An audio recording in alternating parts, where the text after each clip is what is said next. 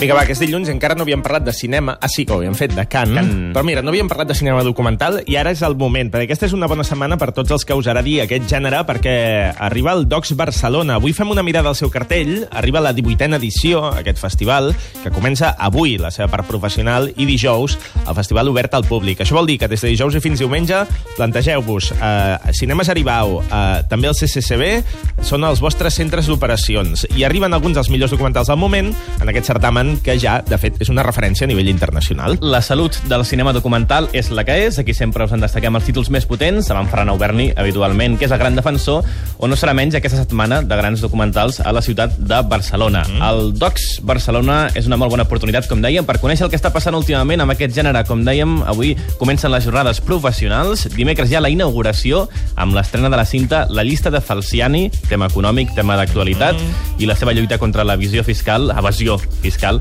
però dijous és el dia ja festival eh, obert al públic. Avui ens fixem en alguns dels títols més destacats del Docs Barcelona 2015. El primer de tots, una cinta que podreu veure divendres i també dissabte a l'Aribau Club. Es diu Remake, Remix, Rip Off. Ben diziler hariç 230 film çektim. 120 kadar. Ama yani Türkiye için çok zavallı bir rakamdır bu.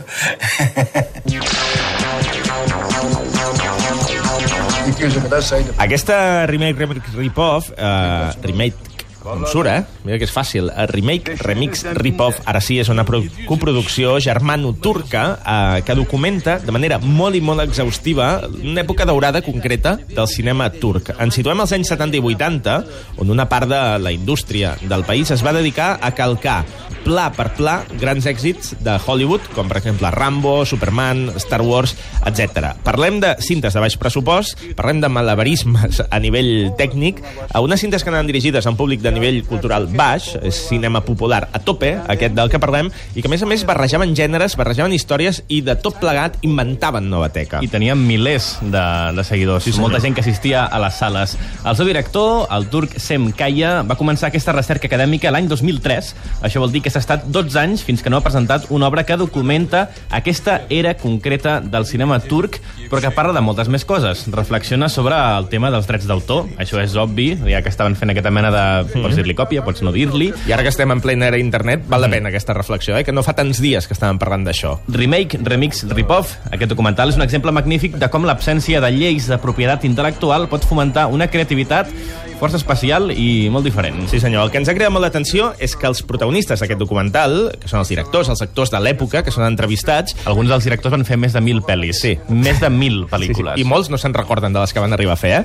Doncs tota aquesta gent, o molts d'ells, insisteixen molt en l'autodefensa. És com que demanen perdó, d'alguna manera, a les declaracions que fan al documental. És allò de, jo copiava, però escolta, que tampoc és un crim. yeah, it seems like they, they are defending themselves, but this is just normal because um, nowadays they are accused. Uh, Sí, sembla que s'estiguin defensant a ells mateixos, però és normal perquè és ara que els acusen de robar. Però abans era totalment legal el fet d'utilitzar material aliè, perquè els directors estrangers no registraven les seves pel·lícules a Turquia i, per tant, era considerat domini públic. En tot cas, era la censura la que marcava les pautes. Els cineastes tenien el permís de l'Estat per fer servir aquestes pel·lícules. Més enllà d'això, no és una qüestió de culpa, perquè aquests termes són molt nous.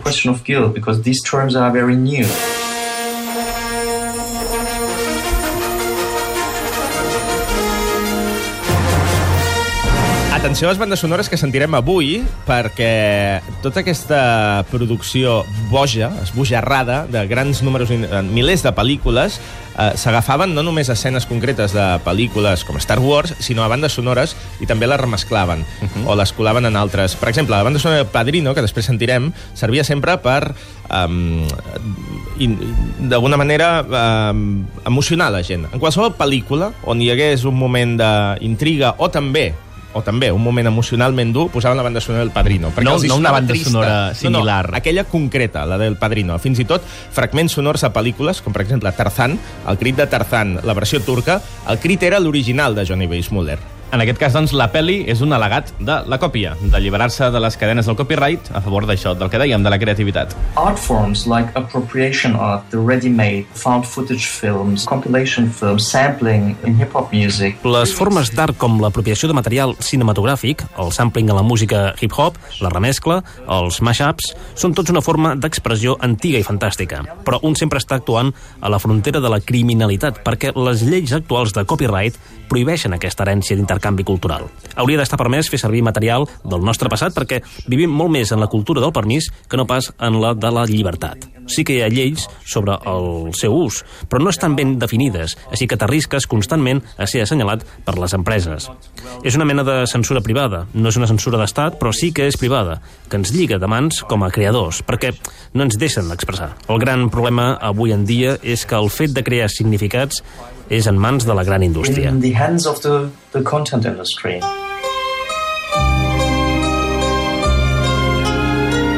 Imagineu-vos, doncs, aquesta banda sonora, la de El Padrino, totalment descontextualitzada, però que, en el fons, acaba agafant un significat molt potent per la gent que anava al cinema, com deien Roger abans, a milers de persones. Eh? O sigui, als cinemes, penseu que hi cabien 2.000 persones i que totes les sessions al dia s'omplien. Per tant, el documental parlen de 10.000 persones per dia veient pel·lícules eh, al barri, eh, per exemple, al barri popular de, de, de qualsevol ciutat turca. La peli, aquesta, aquest al·legat de la còpia, també és una reflexió sobre el concepte d'originalitat, perquè en el fons, si ens hi parem a pensar, quines són les pel·lis originals, fins i tot aquestes de les que estem parlant que venien de Hollywood? Always this uh, the dispute between the original and its copy. La disputa entre original i còpia no té sentit perquè no existeix l'original. El 80% de les pel·lícules de Hollywood són remakes o seqüeles, i el que no entenc és perquè el remake té tan mala reputació, perquè el remake en si mateix és un gènere.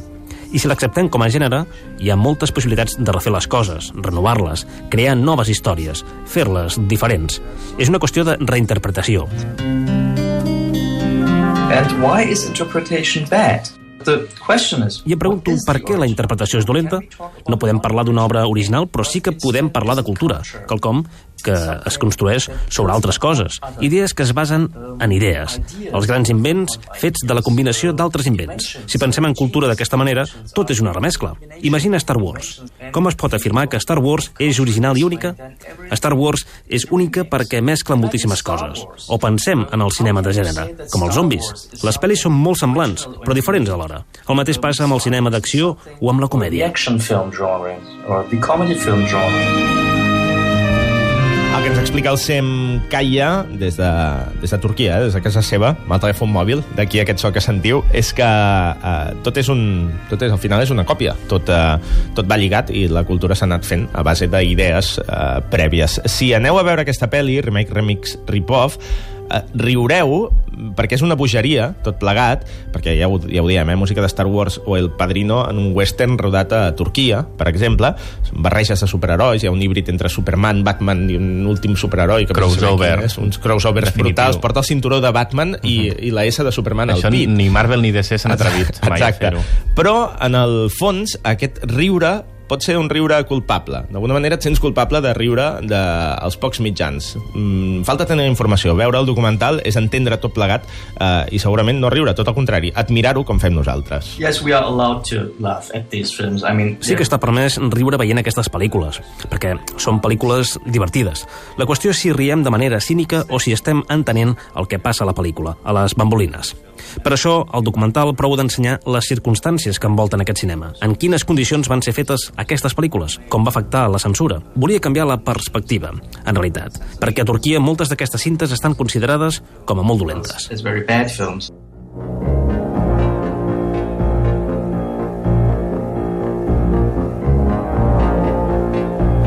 En fi, Rambo, mm, aquesta banda, ara no t'ho sé dir on anava la banda sonora, però segur que en més d'una i de dues pel·lis concretes. De fet, surten els muntadors de so amb discos, amb vinils a la mà en un moment del documental i t'ensenyen, no? Mira, El Padrino, aquesta banda sonora l'he fet servir en 123 pel·lícules. No me'n recordo quines ben bé, però quan es tractava de crear aquesta emoció concreta, jo posava la banda sonora del Padrino o de Star Wars, o vés a saber. Sí, sí, si heu de veure Star Wars sonant en un western, i un western, a més a més, rodat a Turquia, que ells et diuen, escolta, però si es rodaven westerns a Espanya, per què no els podem rodar aquí a Turquia? I amb, amb actors turcs. És veritat, amb amb actors americans. Doncs bé, uh, aneu a veure aquest remix, remake, rip-off. Això divendres i dissabte es projecta als cinemes Aribau, uh, una pel·lícula més que interessant del nostre convidat avui, el senyor Sem Kaya.